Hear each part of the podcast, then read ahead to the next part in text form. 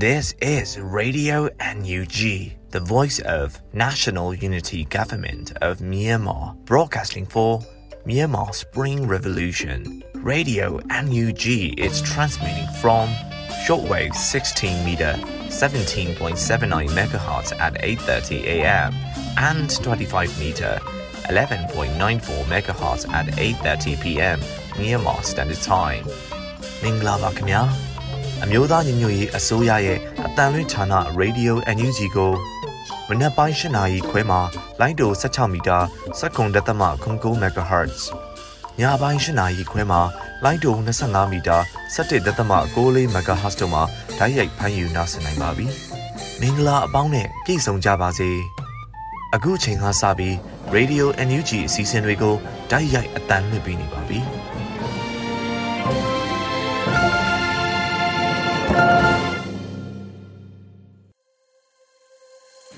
မြန်မာနိုင်ငံသူနိုင်ငံသားအပေါင်းတဘာဝပြီးဆေးဟာနာရှင်ပြီးတို့ကနေကင်ဝေးပြီးကိုစိတ်နှပါဘေးကင်းလုံခြုံကြပါစေလို့ရေဒီယိုညူးချီခွဲသားများကဆုတောင်းမြတ်တာပို့သလာရပါတယ်ရှင်။အခုချိန်ကစပြီးကာကွယ်ရေးဝန်ကြီးဌာနရဲ့စီးရီးသတင်းချင်းချုပ်ကိုတော့ຫນွေဦးလင်ကာကဖက်ကြားတင်ပြပေးပါတော့မယ်ရှင်။ကာကွယ်ဝင်ကြီးဌာနအမျိုးသားညီညွတ်ရေးဆိုရမှ ဇွန်လ26ရက်နေ့2023ခုနှစ်ထုတ်ဝေတဲ့စစ်ရေးသတင်းချင်းချုပ်ကိုတင်ဆက်ပေးတော့မှာဖြစ်ပါတယ်။ရန်သူတပ်သား၄ဦးသေဆုံးပြီး၅ဦးထိခိုက်ဒဏ်ရာရရှိခဲ့ကြောင်းသတင်းရရှိပါရခင်ဗျာ။အာနာသိန်းအကြံဖက်စစ်တပ်နဲ့တိုက်ပွဲဖြစ်ပွားမှုသတင်းတွေကိုတင်ဆက်ပေးကြပါမယ်။ KNY ကပြည်နယ်မှာဇွန်လ24ရက်နေ့နေ့လယ်3နာရီခန့်မှာဘောလခဲမြို့နယ်ရွာသစ်မြို့12မိုင်ကုန်းဘက်မှဆင်းလာတဲ့ ရန်သူတပ်နဲ့ပြည်သူ့ကာကွယ်ပူးပေါင်းတပ်များထိတွေ့တိုက်ပွဲဖြစ်ပွားခဲ့ကြောင်းသတင်းရရှိပါရခင်ဗျာမကွေးတိုင်းမှာဇွန်လ26ရက်နေ့မနက်9:30မိနစ်အချိန်ခန့်ကကံကောကြောက်ထုဒေသနှောကြေးရွာအနီးသို့ဝင်ရောက်လာတဲ့တာမခ89 101ခမန်းအင်အား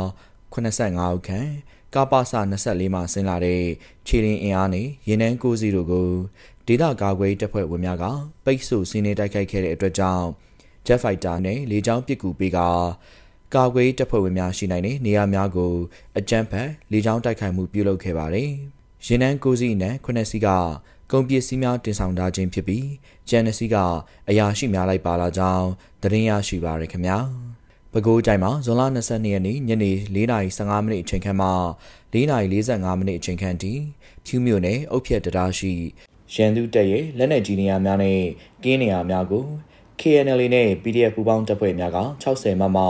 drone ပုံးသီးလေးလုံးနဲ့နှစ်ကြိမ်တွားရောက်တိုက်ခိုက်ခဲ့ရာရန်သူတပ်ဖွဲ့ဝင်၄ဦးသေဆုံးခဲ့ပြီးအရာရှိနှုတ်ပါဝင်9ဦးဒဏ်ရာရရှိခဲ့ကြောင်းသတင်းရရှိပါရခင်ဗျာ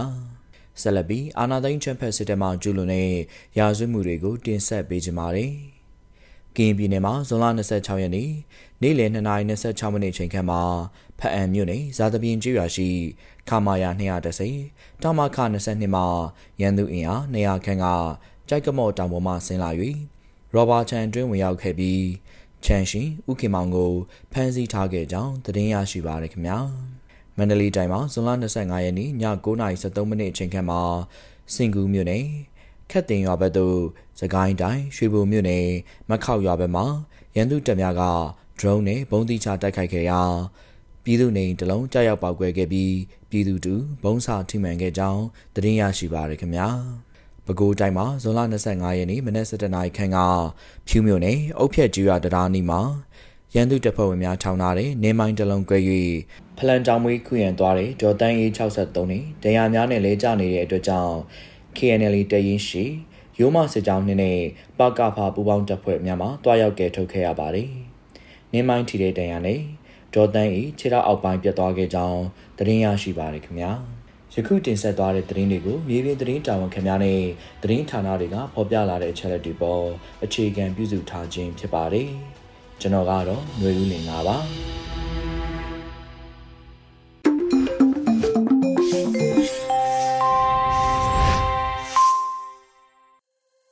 ရေဒီယိုညူးချီရဲ့မနက်ခင်းစီစဉ်တွေကိုဆက်လက်တင်ပြနေပါတယ်။ အခုတခါပြည်တွင်းသတင်းတွေကိုတော့မျိုးဦးမမဖက်ကြားတင်ပြပေးပါတော့မယ်ရှင်2023ခုနှစ်ဇွန်လ29ရက်နေ့ Radio Energy မနက်ခင်းပြည်တွင်းသတင်းတွေကိုတင်ပြပေးသွားပါမယ်ကျွန်မကတော့ຫນွေဦးမမဆီယနာရှင်တွေဖန်တီးတဲ့အကြောက်တရားများကိုစူပေါင်းအားနဲ့ဖယ်ရှားကြရမယ်လို့ပြည်ထောင်စုဝန်ကြီးချုပ်ပြောကြားလိုက်တဲ့အကြောင်းအရာကိုဥစွာတင်ပြပေးကြပါမယ်။ဆီယနာရှင်တွေဖန်တီးတဲ့အကြောက်တရားများကိုစူပေါင်းအားနဲ့ဖယ်ရှားကြရမယ်လို့ ပြည်ထောင်စုဝန်ကြီးချုပ်မန်ဝင်းခိုင်တန်းကဇွန်လ26ရက်ကျင်းပတဲ့48နှစ်မြောက်စလိုင်းတင်မောင်အထိမ်းအမှတ်နေ့အခမ်းအနားမှာပြောကြားခဲ့ပါတယ်။ဆီယနာရှင်ပေးတဲ့အကြောက်တရားတွေကလူသားမန်တွေအတွက်ကြောက်စရာဖြစ်ပါတယ်။သို့တော့အဲ့ဒီအကြောက်တရားတွေကိုမလွန်ဆန်နိုင်ရင်တရားမျှတမှုနဲ့လွတ်လပ်ခြင်းတွေသားစဉ်မြေဆက်ပျောက်ဆုံးသွားနိုင်တာကတော့ပိုပြီးတောင်ကြောက်စရာကောင်းလွန်ပါတယ်။တရားမျှတမှုနဲ့လွတ်လပ်ခြင်းမရှိရင်စစ်မှန်တဲ့လုံခြုံငြိမ်းချမ်းမှုနဲ့ကိုယ်ပိုင်ပြဋ္ဌာန်းရွေးချယ်နိုင်ခွင့်တွေဘယ်တော့မှမရလာနိုင်ပါဘူး။ ဒါကြောင့်ဆီယနာရှင်တွေဖန်တီးတဲ့အကြောက်တရားများကိုစုပေါင်းအားနဲ့ဖယ်ရှားကြရမှာဖြစ်ပါတယ်လို့ဝန်ကြီးချုပ်ကဆိုပါတယ်။2021ခုနှစ်ဖေဖော်ဝါရီလနေ့စစ်တပ်ကနိုင်ငံတော်အာဏာကိုအကြမ်းဖက်လူယူပြီးနောက်ပိုင်းဆီယနာရှင်စနစ်စန့်ကျင်ရေးလူလူလှုပ်ရှားမှုနဲ့အတူຫນွေဦးတော်လှန်ရေးပေါ်ပေါက်ခဲ့ပါတယ်ရှင်။ဆီယနာရှင်စနစ်ဆိုနောက်ဆုံးဖြစ်စေရမယ်ဆိုတဲ့စိတ်ဓာတ်နဲ့ဆက်လက်တိုက်ပွဲဝင်ကြစေဖို့ပြည်ထောင်စုလွှတ်တော်ကိုစားပြုကော်မတီဥက္ကဋ္ဌဦးအောင်ကြည်ညွတ်တိုက်တွန်းတဲ့အကြောင်းအရာကိုဆက်လက်တင်ပြပေးပါမယ်။ ဆီယနာရှင်စနစ်ဆိုနောက်ဆုံးဖြစ်စေရမယ်ဆိုတဲ့စိတ်ဓာတ်နဲ့ဆက်လက်တိုက်ပွဲဝင်ကြစေဖို့ဇွန်လ26ရက်မှာကျင်းပပြုလုပ်တဲ့48နှစ်မြောက်စလိုင်းတင်မောင်အထိမ်းအမှတ်နေ့အခမ်းအနားမှာပြည်ထောင်စုလွှတ်တော်ကိုစားပြုကော်မတီဥက္ကဋ္ဌဦးအောင်ကြည်ညွန့်ကပြောကြားခဲ့ပါတယ်။နှွေဦးတော်လိုင်းမှာလည်းချင်းတိုင်းသားတို့ရဲ့ကဏ္ဍပေါင်းစုံကနေဆီယနာရှင်စနစ်ကိုတိုက်ထုတ်ရင်းမှာဆွမ်းဆွမ်းတမန်ပါဝင်ဆောင်ရွက်နေကြတဲ့အတွက်လဲကျွန်တော်တို့ဖို့ခွန်အားတရက်ဖြစ်စေပါတယ်။အာနာရှင်များကိုအမြင့်ပြတ်တိုက်ထုတ်ရမှာအန်ရီကတော့အမြဲရှိနေပါတယ်။ ဒါပေမဲ့မိမိတို့ခေတ်မှာအာနာရှင်ကိုအမြင့်ပြတ်မတိုက်ထုတ်နိုင်ခဲ့ဘူးဆိုရင်တော့ဖြင့်နောက်လာနောက်သားမျိုးဆက်သစ်များအတွက်ပိုပြီးကြီးမားတဲ့အန်ရီဖြစ်လာမှာပဲဖြစ်ပါတယ်။ဒါကြောင့်ဆီယနာရှင်စနစ်ဆိုမိမိတို့မျိုးဆက်သားနောက်ဆုံးဖြစ်စေရမယ်ဆိုတဲ့စိတ်ဓာတ်နဲ့ဆက်လက်တိုက်ပွဲဝင်ကြစေဖို့ကိုလည်းလေးလေးနက်နက်တိုက်တွန်းလိုပါတယ်လို့ဆိုရတယ်။လက်ရှိမှာစီးရဲအရှင်ကိုမြင့်တင်လျက်ရှိပြီးဂျမစီအုပ်စုကို2023ခုနှစ်တွင်ထိုးစစ်ဆင်တိုက်ခိုက်သွားမယ်လို့ NUG ကအသိပေးကြေညာထားပါတယ်ရှင်။ ပြည်ထောင်စုလူဝင်မှုကြီးကြပ်ရေးဝန်ကြီးဌာနနဲ့မြို့နယ်ပြည်သူ့အုပ်ချုပ်ရေးဖွဲ့များတွဲဆုံဆွေးနွေးပွဲပြည်ထောင်စုဒုတိယဝန်ကြီးခုထဲဘူးတက်ရောက်တဲ့တဲ့ရင်ကိုဆက်လက်တင်ပြပေးကြပါမယ်။ဇွန်လ26ရက်မှာမြို့သားညီညွတ်ရေးအစိုးရပြည်ထောင်စုနဲ့လူဝင်မှုကြီးကြပ်ရေးဝန်ကြီးဌာနနဲ့ပဲခူးတိုင်း AR တိုင်းရန်ကုန်တိုင်းတနင်္သာရီတိုင်းရှိမြို့နယ်ပြည်သူ့အုပ်ချုပ်ရေးအဖွဲ့များတွဲဆုံဆွေးနွေးမှုအစည်းအဝေးစနေမြင်းဆောင်2023ကိုကျင်းပခဲ့ပြီးပြည်ထောင်စုဝန်ကြီးခုထဲဘူးတက်ရောက်ခဲ့ပါတယ်။ တော်လင်းသည်ပြည်သူအားကြောင့်တော်၎င်းတော်လင်းရဲဘော်များ၏စိတ်သက်ခွန်အားကြောင့်တော်၎င်းတိုးတက်ပြောင်းလဲလာပြီးဖြစ်ပါကြောင်းပြည်သူ့အုပ်ချုပ်ရေးသည်ပြည်သူ၏စံနာနှင့်အညီအမှန်တရားကိုဖော်ထုတ်ပြီးပြည်သူကိုစားစူးစမ်းဆောင်ရွက်ပေးနေရသည့်အဖွဲ့ဖြစ်ကြောင်းစီမံခန့်ခွဲရေးနှင့်ပြည်သူဝန်ဆောင်မှုသည့်ဆက်ဆက်ဆောင်ရွက်ရသည့်ကဏ္ဍတစ်ခုဖြစ်၍အင်မတန်မှအရေးကြီးပါကြောင်းညီညာစွာတရားမျှတစွာဖြင့်စံပြစီမံခန့်ခွဲမှသာပြည်သူဆက်ဆံရေးလုပ်ငန်းများကိုအကောင့်ထဲပေါ်နိုင်ခြင်းဖြစ်မည်ဖြစ်ကြောင်းပြည်ထရေးတူဝင်ကြီးခုထဲဘူးကဆိုပါတယ် ဆက်လက်ပြီးပြည်ထောင်နှင့်လူမှုကြီးကြပ်ရေးဝန်ကြီးဌာနအမြဲတမ်းအတွင်းမှာလုပ်ငန်းဆောင်ရွက်ချက်များအားရှင်းလင်းပြောကြားခဲ့ပြီး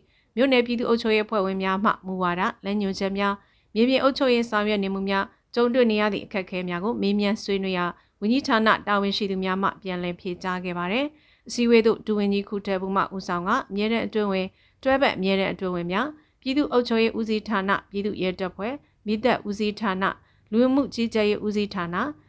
အထူးစုံစမ်းထောက်လှမ်းရေးဦးစီးဌာနတို့မှတာဝန်ရှိသူများပဲခူးတိုင်း AR တိုင်းရန်ကုန်တိုင်းတနင်္သာရီတိုင်းရှိမြို့နယ်ပြည်သူ့အုပ်ချုပ်ရေးဖွဲ့ဝင်များတက်ရောက်ခဲ့ကြပါတယ်ရှင်။မြန်မာနိုင်ငံတွင်ဆီယနာရှင်စနစ်စောလျင်စွာခြုံငြိမ်ရေးဒီမိုကရေစီအမြန်ဆုံးပြန်လည်ထွန်းကားရေးတို့ဆောင်ရွက်ရန်လိုအပ်ကြောင်းတန်အမတ်ကြီးဦးကျော်မိုးထွန်းပြောကြားတဲ့အကြောင်းအရာကိုတင်ပြပေးပါဦးမယ်။ဇွန်လ23ရက်မှာပြုလုပ်တဲ့ International Day of Women in Diplomacy အထိမ်းအမှတ်နေ့အားဂုဏ်ပြုချီးမြှင့်သည့်အစစ်မြင့်ဖိုရမ်မှာ မြန်မာနိုင်ငံတွင်ဆီယနာရှင်စနစ်စောလျင်စွာခြုံငြိမ်ရေးဒီမိုကရေစီအမြဲဆုံးပြန်လည်ထွန်းကားရေးတို့ဆောင်ရွက်ရန်လိုအပ်ကြောင်းကုလသမဂ္ဂဆိုင်ရာမြန်မာအမြဲတမ်းကိုယ်စားလှယ်တာမတ်ကြီးဦးကျော်မိုးထွန်းကပြောပါရယ်မိမိတို့၏ပြည်သူများသည့်ငြိမ်းချမ်းရေးတည်ငြိမ်ရေးနှင့်တာယာဝါပြောရေးတို့ကိုသာမကကြားမှဒန်းတူညီမျှမှုနှင့်တန်တမန်ရေးရာခန္ဓာအပါဝင်အခြားနယ်ပယ်အသီးသီးတွင်လည်းမြို့သမီးများ၏ခိုင်ကဏ္ဍကိုပုံမချက်ထွင်နိုင်ရန်လိုလားကြောင်းသို့ပါ၍ မြန်မာနိုင်ငံတွင်ဆီယနာရှင်စနစ်စောလျင်စွာချုပ်ငြိမ်ရေးဒီမိုကရေစီအများဆုံးပြန်လည်ထွန်းကားရေးနဲ့ရွေးကောက်ခံရသအစိုးရမှတဆင့်ပြည်သူအာဏာပြည်သူထံလင်းများစွာပြန်လည်ရရှိရေးတို့ကိုဆောင်ရွက်ရန်လိုအပ်ကြောင်းဆိုပါတယ်။ဒါအပြင်မြို့သားညီညွတ်ရေးအစိုးရအနေဖြင့်မူလူမှုစီးပွားဖွံ့ဖြိုးတိုးတက်ရေးနဲ့နိုင်ငံတည်ထောင်ရေးတို့အတွက်မြို့သမီးများအားအဓိကမောင်းနှင်အားများဖြစ်သတ်မှတ်ကြောင်းတန်တမန်ရေးရာကဏ္ဍရှိမြို့သမီးတို့၏အခမ်းကဏ္ဍအားမြင့်တင်ရေးအတွက်ပံ့ပိုးပေးရတွင်ဆက်လက်ပါဝင်နေမည်ဟုကတိကဝတ်ပြုကြောင်းတမ်မတ်ကြီးကပြောကြားခဲ့ပါတယ်ရှင်။ ညာမြေကိုအားဖြည့်ဖို့မင်းအောင်လိုင်းအိမ်အပြီးသိမ်းစုခံပိန်ရပ်ပေါင်း20အတွင်းအပြီးအောင်ချပြီးညာဒေသရဲ့မီးရှို့ခံလိုက်ရတဲ့ဒေါ်လန်မီသားစုတွေစီပို့ပေးမယ်လို့ဆိုလိုက်တဲ့အကြောင်းအရာကိုဆက်လက်တင်ပြပေးပါမယ်။ညာမြေကိုအားဖြည့်ဖို့မင်းအောင်လိုင်းအိမ်အပြီးသိမ်းစုခံပိန်ရပ်ပေါင်း20အတွင်းအပြီးအောင်ချပြီးညာဒေသရဲ့မီးရှို့ခံလိုက်ရတဲ့ဒေါ်လန်မီသားစုတွေစီပို့ပေးမယ်လို့ဇွန်လ26ရက်မှာ EOD ကအသိပေးဆိုပါရယ်။စကိုင်းတိုင်းနဲ့မကွေးတိုင်းအတွင်းမှာစီအုပ်စုမီးရှို့လို့ပြကြသွားတဲ့အင်ဂျီစုစုပေါင်း 64,268အိမ်ရှိတယ်။ရွာပေါင်း1199ရွာမိလောင်မြင်ဖြစ်သွားတယ်။ညာနေတန်လျက်တွေအောက်မှာမြေမနာပြေးလွှာတင်းရှောင်ရင်စေအုပ်စုရဲ့ရဲစက်မှုအပေါင်းကိုအရှုံးမပေးစတဲ့အာခံတော်လန်နေကြတယ်။ဒီတစ်ခေါက် EOD ကဖော်ဆောင်မဲ့ကမ်ပိန်းကတော့အညာရဲ့တော်လန်ခွန်အားတွေကိုကုစားအားဖြင့်ပြန်လည်ထူထောင်မဲ့ကမ်ပိန်းပဲဖြစ်ပါတယ်။မြောင်လဲမတော်မတရားရယူပိုင်ဆိုင်ထားတဲ့6မိုင်ခွဲအင်လျာအိမ်ကိုအစုရှယ်ယာထုတ်ရောင်းခဲ့တာဒေါ်လာ၄သန်းခန့်ရောင်းချခဲ့ပြီးဖြစ်ပါတယ်။ လက်ကျန်အစုရှယ်ယာ3000တစုလီယံဒေါ်လာ100ဖြင့်ဒေါ်လာ3သန်းကိုရက်ပေါင်း20အတွင်းအပြီးရောင်းချပြီးညာဒေသရဲ့မီးရှို့ခံလိုက်ရတဲ့ဒေါ်လာမီသားစုတွေစီပို့ပေးပါမယ်လို့ဆိုပါတယ်။ကမ်မီကာလာအတွင်းအစုရှယ်ယာရောင်းရငွေများကိုလူသားချင်းစာနာထောက်ထားရေးနဲ့ BNN ဆိုင်ရာစီမံခန့်ခွဲဝန်ကြီးဌာနမှတစ်ဆင့်အရေးပေါ်ကူစားကယ်ဆယ်ရေးလုပ်ငန်းတွေဆောင်ရွက်သွားမှာဖြစ်ပြီးမြေပြင်ပတ်မိုးမှုများကိုလည်းထင်သာမြင်သာစွာအချိန်နဲ့တပြေးညီတင်ပြစီရင်ခံသွားမယ်လို့သိရပါတယ်ရှင်။ Federal Wings Drone များမှမြင်းမှုမြို့မှရဲစခန်းနဲ့မြင်းမှုမြို့နယ်ထွေအုပ်ရုံးများအားတိုက်ခိုက်ရာရဲစခန်းအဆောက်အုံနှလုံးနဲ့ထွေအုပ်ရုံးအဆောက်အုံသုံးလုံးများပေါ်တိုက်ရိုက်ထိမှန်ခဲ့တဲ့တဲ့ရင်ကိုလည်းတင်ပြပေးပါမယ်။ Federal Wings Drone များမှမြင်းမှုမြို့မှရဲစခန်းနဲ့မြင်းမှုမြို့နယ်ထွေအုပ်ရုံးများကိုတိုက်ခိုက်ခဲ့တယ်လို့ဇွန်လ26ရက်မှာစီးရဲတဲ့ရင်ကို Federal Wings Drone အဖွဲ့ကဆိုပါတယ်။ Federal Wings Drone အဖွဲ့မှာဇွန်လ24ရက်ညဦးပိုင်းတွင်စီးရဲပြစ်မှတ်များဖြစ်သောစကိုင်းခရိုင်မြင်းမှုမြို့နယ်မြင်းမှုမြို့မှရဲစခန်းနှင့် မြင်းမှုမြို့နယ်ထွေအုပ်ရုံးများကိုပြစ်မှတ်ထားတိုက်ခိုက်ခဲ့ရာရဲစခန်းအဆောက်အုံနှလုံးနဲ့ထွေအုပ်ရုံးအဆောက်အုံသုံးလုံးများပေါ်တိုက်ရိုက်ထိမှန်ခဲ့ပါတယ်လို့ဆိုပါတယ်။စစ်ကောင်စီဘက်မှထိခိုက်မှုများရှိကြောင်းသိရပြီးထိခိုက်ပျက်စီးမှုအသေးစိတ်အားဆက်လက်စုံစမ်းဆဲဖြစ်တယ်လို့ဆိုပါတယ်။ဆိုပါရဲစခန်းနဲ့ထွေအုပ်ရုံးသည်စစ်ကောင်စီတပ်ဖွဲ့များစခန်းချတပ်ဆွဲသည့်နေရာများဖြစ်ပြီး drone jammer များဖြင့်ကာကွယ်ထားသောနေရာများဖြစ်ကြောင်းသိရပါတယ်ရှင်။ ကောလင်းမြို့ KB7 ဘန်နှင့်နေစစ်ကောင်စီတပ်သားများကင်းချင်းပြီးအပြန်တွင်မိုင်းဆွဲခဲ့ရာတဦးသေးတဦးပြင်းထန်တရားတဲ့တရင်ကိုဆက်လက်တင်ပြပေးပါဦးမယ်။ကောလင်းမြို့ KB7 ဘန်အနီးစစ်ကောင်စီတပ်သားများကင်းချင်းပြီးအပြန်တွင်မိုင်းဆွဲခဲ့ရာတဦးသေးဆုံးပြီးတဦးပြင်းထန်တရားရရှိခဲ့တယ်လို့သိရပါဗျ။ဇွန်လ26ရက်မှာ The Secret Warrior ကောလင်းမှစီးရဲတရင်ကိုအတည်ပြုဆိုပါတယ်။ဇွန်လ24ရက်ကောလင်းမြို့ KB7 ဘန်နှင့်အနီးနနက်9:50ရက် Secret Warrior ကောလင်းမှ စစ်ကောင်စီတပ်သားများကင်းချင်းပြီးအပြန်တွင်မိုင်းဆွဲခဲ့ရာပွဲချင်းပြီးတဦးသေးဆုံးကတဦးပြင်းထန်ဒဏ်ရာရရှိခဲ့တယ်လို့ဆိုပါတယ်။မိုင်းခွဲပြီးစစ်ကောင်စီတပ်သားများမှဖြစ်စဉ်ဖြစ်ရာသို့လက်နက်ကြီးလက်နက်ငယ်များဖြင့်ရန်ပစ်ခဲ့မှုကြောင့်ပြည်သူ9ဦးထပ်မံထိခိုက်ဒဏ်ရာရခဲ့ကြောင်းသိရပါတယ်။ဖြစ်စဉ်ပြီး9မိနစ်အတွင်းဈေးသူဈေးသားများအားစစ်ကောင်စီတပ်သားများမှရိုင်းပြစွာမောင်းထုတ်ခဲ့ကြောင်းလည်းသိရပါတယ်ရှင်။ ရင်းမြုပ်နယ်ရှိကြေးရွာများတွင်ရွာသားများကိုအနိုင်ကျင့်ငွေကြေးတောင်းခံတဲ့ပြူကောင်းဆောင်တဦးရေးဘလူအဖွဲ့ရှင်းလင်းတဲ့တရင်ကိုလည်းတင်ပြပေးပါမယ်။ရင်းမြုပ်နယ်ရှိကြေးရွာများမှာရွာသားများကိုအနိုင်ကျင့်ငွေတောင်းခံတဲ့ပြူကောင်းဆောင်တဦးကိုရေးဘလူအဖွဲ့ကရှင်းလင်းလိုက်တယ်လို့ဇွန်လ26ရက်မှာရေးဘလူအဖွဲ့ကောင်းဆောင်ကအသိပေးဆိုပါရယ်။အစင်ရွာကြားတဲ့ဇီးပြူတောင်ရွာဒမင်စိတ်ရွာပင်လယ်ဝါစိတ်ကလေးရွာအဘော်ရွာဒူရရွာတွေမှာ ဗိုလ်ကျနိုင်ကျင့်ငွေတောင်းနေတဲ့ပြူကောင်းဆောင်စိုးအောင်ကိုအနာပေးလိုက်ပါတယ်လို့ဆိုပါတယ်။ရေဘလူးခွေဟာမွန်ပြည်နယ်အတွင်းရှိစစ်ကောင်စီနဲ့နီးကပ်ထိစပ်နေတဲ့နေရာတွေကိုရှင်းလင်းခဲ့ပြီးဇွန်လအတွင်းစစ်ကောင်စီတပ်သား၄ဦးစစ်မှုထမ်းဟောင်း2ဦးလာဝကလုပ်ငန်းဆောင်ရွက်သူ2ဦးစုစုပေါင်း9ဦးကိုရေဘလူးအဖွဲ့သားများမှရှင်းလင်းထားနိုင်ခဲ့ပါတယ်ရှင်။ခုတင်ပြခဲ့တဲ့သတင်းတွေကို Radio NUG သတင်းတောက်မင်းတီဟန်ကပေးပို့ထားတာဖြစ်ပါတယ်ရှင်။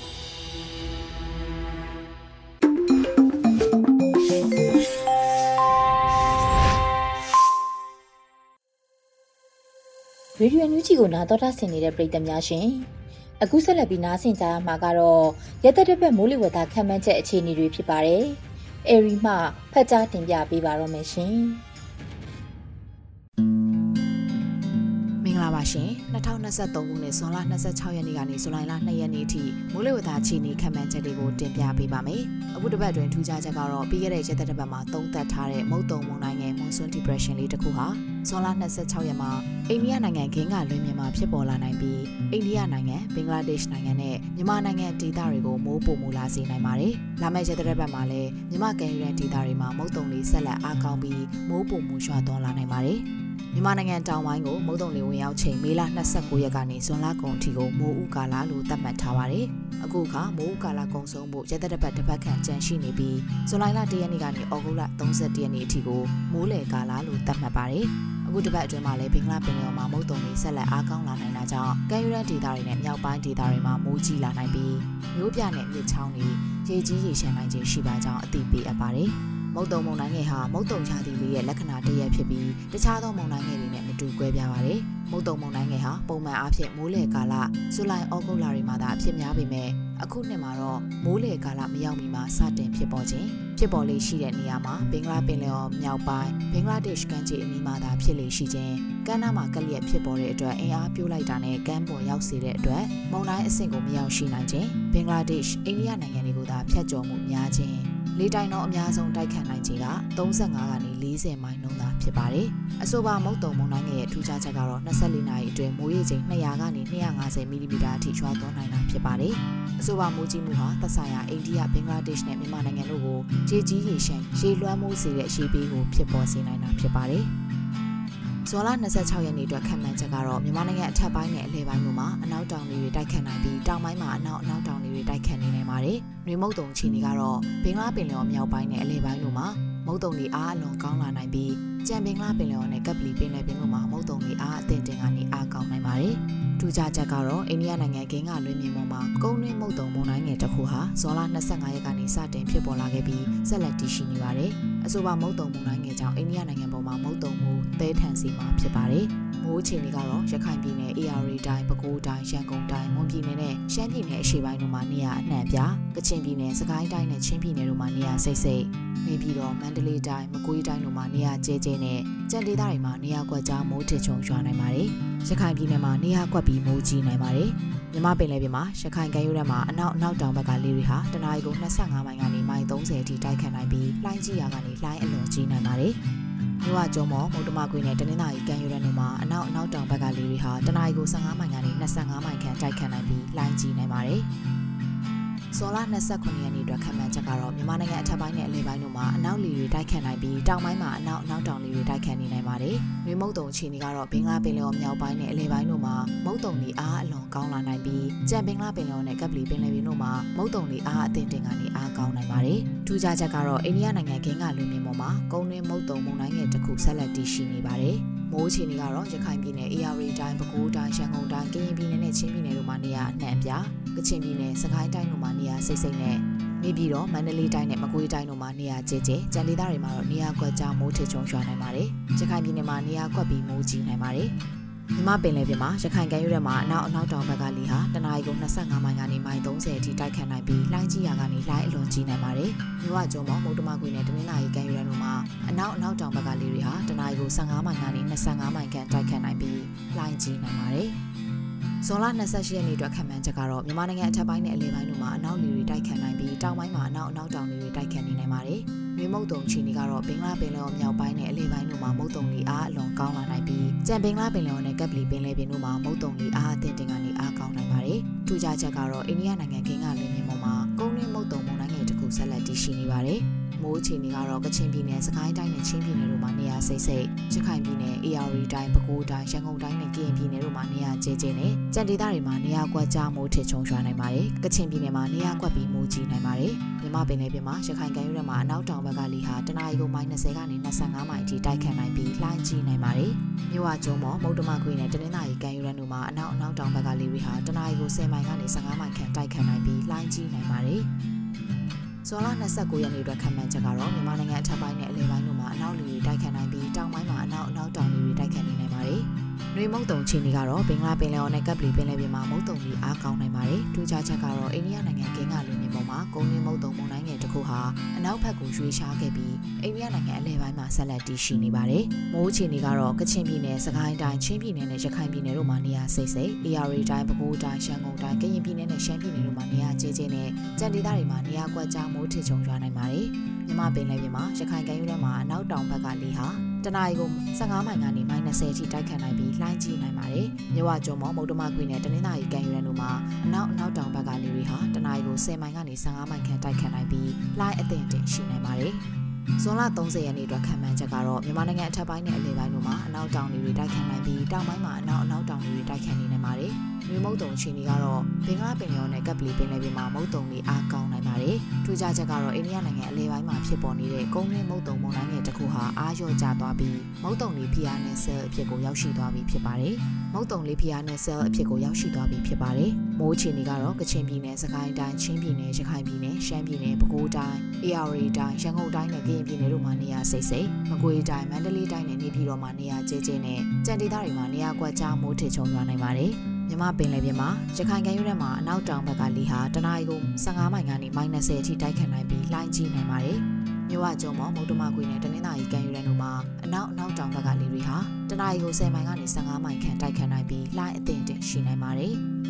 ဇူလိုင်လ၁ရက်နေ့အတွက်ခံမှန်းချက်ကတော့မြန်မာနိုင်ငံအထက်ပိုင်းနဲ့အလယ်ပိုင်းတို့မှာအနောက်တောင်လေတွေတိုက်ခတ်နိုင်ပြီးတောင်ပိုင်းမှာအနောက်အနောက်တောင်လေတွေတိုက်ခတ်နေနိုင်ပါတယ်။နှွေမုတ်တုံချီနေကတော့ဘင်္ဂလားပင်လယ်အော်နဲ့ကပ်ပလီပင်လယ်ပြင်မှာမုတ်တုံတွေအားကောင်းနိုင်ပါတယ်။မိုးချီနေကတော့ကချင်ပြည်နယ်၊စကိုင်းတိုင်း၊ချင်းပြည်နယ်၊ရခိုင်ပြည်နယ်၊ရှမ်းပြည်နယ်၊အေရဝတီတိုင်း၊ပဲခူးတိုင်း၊ရန်ကုန်တိုင်းနဲ့ကရင်ပြည်နယ်တို့မှာနေရာစိတ်စိတ် မကွေးတိုင်းမန္တလေးတိုင်းနဲ့နေပြည်တော်မှာနေရာကျဲကျဲနဲ့ကြံဒေသတွေမှာနေရာကွက်ကြားမိုးထစ်ချုံရွာနိုင်ပါတယ်။မြမပင်လယ်ပြင်မှာရခိုင်ကမ်းရိုးတန်းမှာအနောက်တောင်ဘက်ကလေဟာတနအီကုန်း15မိုင်ကနေ -30 အထိတိုက်ခတ်နိုင်ပြီးလှိုင်းကြီးနိုင်ပါတယ်။မြဝကျုံမော်မုတ်တမခွေနဲ့တနင်္သာရီကမ်းရိုးတန်းတို့မှာအနောက်အနောက်တောင်ဘက်ကလေတွေဟာတနအီကို10မိုင်ကနေ15မိုင်တိုက်ခတ်နိုင်ပြီးလှိုင်းအသင့်တင်ရှိနိုင်ပါတယ်။ဇူလိုင်လ2ရက်နေ့အတွက်ခံမှန်းချက်ကတော့မြန်မာနိုင်ငံအထက်ပိုင်းနဲ့အလယ်ပိုင်းတို့မှာအနောက်တောင်တွေတိုက်ခတ်နိုင်ပြီးတောင်ပိုင်းမှာအနောက်အနောက်တောင်တွေတိုက်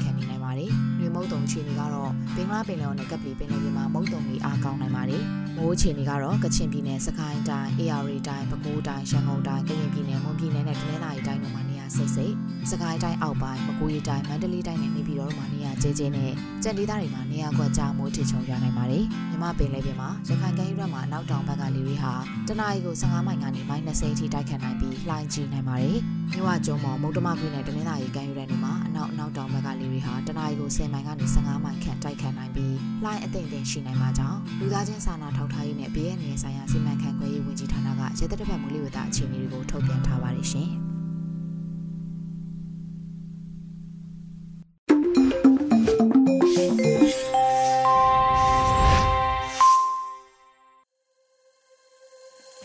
ချီရဲ့မနက်ခင်းစီစဉ်တွေကိုဆက်လက်ပြီးတန်လှည့်ပေးနေပါတယ်။အခုတခါ PPTV ရဲ့နေ့စဉ်သတင်းတွေကိုတော့ထက်ထက်အင်ဒရာအောင်မှဖတ်ကြားတင်ပြပေးပါရမရှင်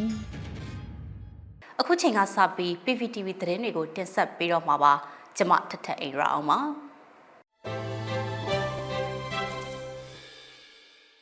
ပထမဆုံးတင်ဆက်ပေးမှာကတော့မိုခါမုံတိုင်းတန်တဲ့ပလဲမြို့နယ်ပြည်သူတွေအတွက်လူသားချင်းစာနာထောက်ထားရေးနဲ့ဘေးရန်ရဲ့ဆိုင်ရာစီမံခန့်ခွဲရေးဝန်ကြီးဌာနကစားနပ်ရိက္ခာထောက်ပံ့မှုတွေပြုလုပ်ပေးနေတဲ့တဲ့မှာစကိုင်းတိုင်းပလဲမြို့နယ်ကမိုခါမုံတိုင်းတန်တဲ့ပြည်သူတွေအတွက်စားနပ်ရိက္ခာတွေကိုအမျိုးသားညီညွတ်ရေးအစိုးရလူသားချင်းစာနာထောက်ထားရေးနဲ့ဘေးရန်ရဲ့ဆိုင်ရာစီမံခန့်ခွဲရေးဝန်ကြီးဌာနကထောက်ပံ့မှုတွေပြုလုပ်ခဲ့ပါတယ်။ 68သိန်းကျပ်တန်ဖိုးရှိတဲ့စားနပ်ရိက္ခာတွေကိုပလဲမြို့နယ်ပြည်သူ့အုပ်ချုပ်ရေးအဖွဲ့နဲ့အတူမြို့နယ်လူသားချင်းစာနာတာဝန်ခံကစကိုင်းတိုင်းပလဲမြို့နယ်မိုးခါစိုက်ကလုံးမုန်တိုင်းတန်ခံရတဲ့43ရွာကရက်ကြီးပအားဖပကဖတာဝန်ရှိသူတွေထံကိုပေးအပ်ခဲ့တာပါတဆက်တည်းမှာပဲကြာဆုံးတရားရပြည်သူရဲဘော်တွေနဲ့မိရှုတန်ခံရတဲ့ကြေးရွာတွေအတွက်လည်းထောက်ပံ့ငွေတွေကိုပေးအပ်ခဲ့ပါတယ်။ ဒါအပြင်ပလဲမြို့နယ်ပြည်သူ့အုပ်ချုပ်ရေးအဖွဲ့ကလက်ရှိဒေါ်လာရေးနိုင်ငံရေးအခြေအနေနဲ့ပတ်သက်ပြီးတော့ရှင်းလင်းပြောကြားခဲ့တယ်လို့လည်းသိရပါဗျ။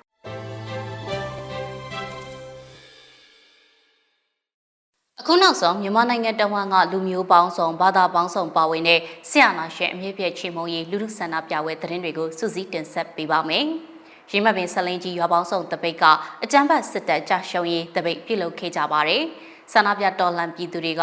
ရွာပေါင်းစုံလူလူတပိတ်စစ်ကြောင်းဆိုတဲ့စာသားကိုကင်ဆွဲပြီးတော့ချီတက်ခဲ့ကြပါတယ်။ရင်းမပင်မြို့နယ်ရွှေနွယ်သွေးတပိတ်စစ်ကြောင်းက915ရက်မြောက်ဖြစ်ဆန္ဒပြစန့်ကျင်တပိတ်ကိုပြုလုပ်ခဲ့ပါတယ်။တော်လှန်ပြည်သူတွေကရွှေနွယ်သွေးတို့မှန်နေချီအာနာရှင်စနစ်အမြင့်ဖြတ်မီဆိုတဲ့စာသားကိုကင်ဆောင်ပြီးတော့ချီတက်ဆန္ဒပြခဲ့ကြပါတယ်။ရင်းမပင်မြို့နယ်မြောက်ချမ်းဆရာနာရှင်စန့်ကျင်တပိတ်အင်အားစုကဒီကနေ့မှာအကြမ်းဖက်စစ်တပ်ကြာရှုံးရေးအဖြစ် အာယုံဦးတပိတ်ပြုလုပ်ပါတယ်တော်လန်ပြည်သူတွေကစစ်ဖက်နှက်အောက်ဒူးမထောက်ဘူးဆလိုင်းတင်မောင်ဦးဆိုတဲ့စာသားကိုကိုက်ဆွဲပြီးတော့အကြမ်းဖက်စစ်တပ်ကြာရှုံးရေးဟစ်ကြွေးမှုတွေနဲ့ချီတက်လှည့်လည်ခဲ့ပါတယ်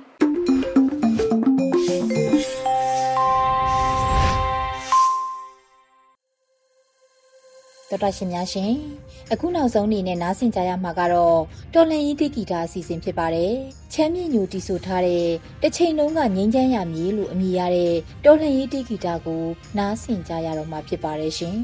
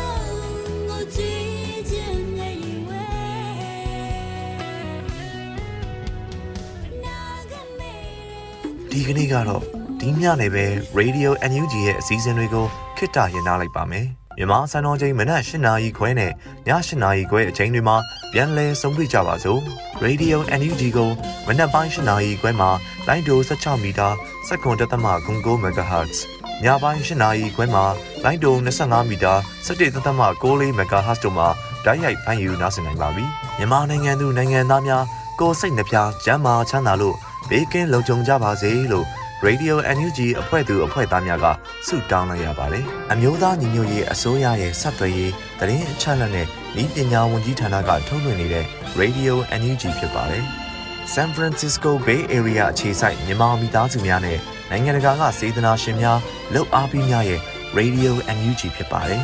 ။အရေးတော်ပုံအောင်ရမည်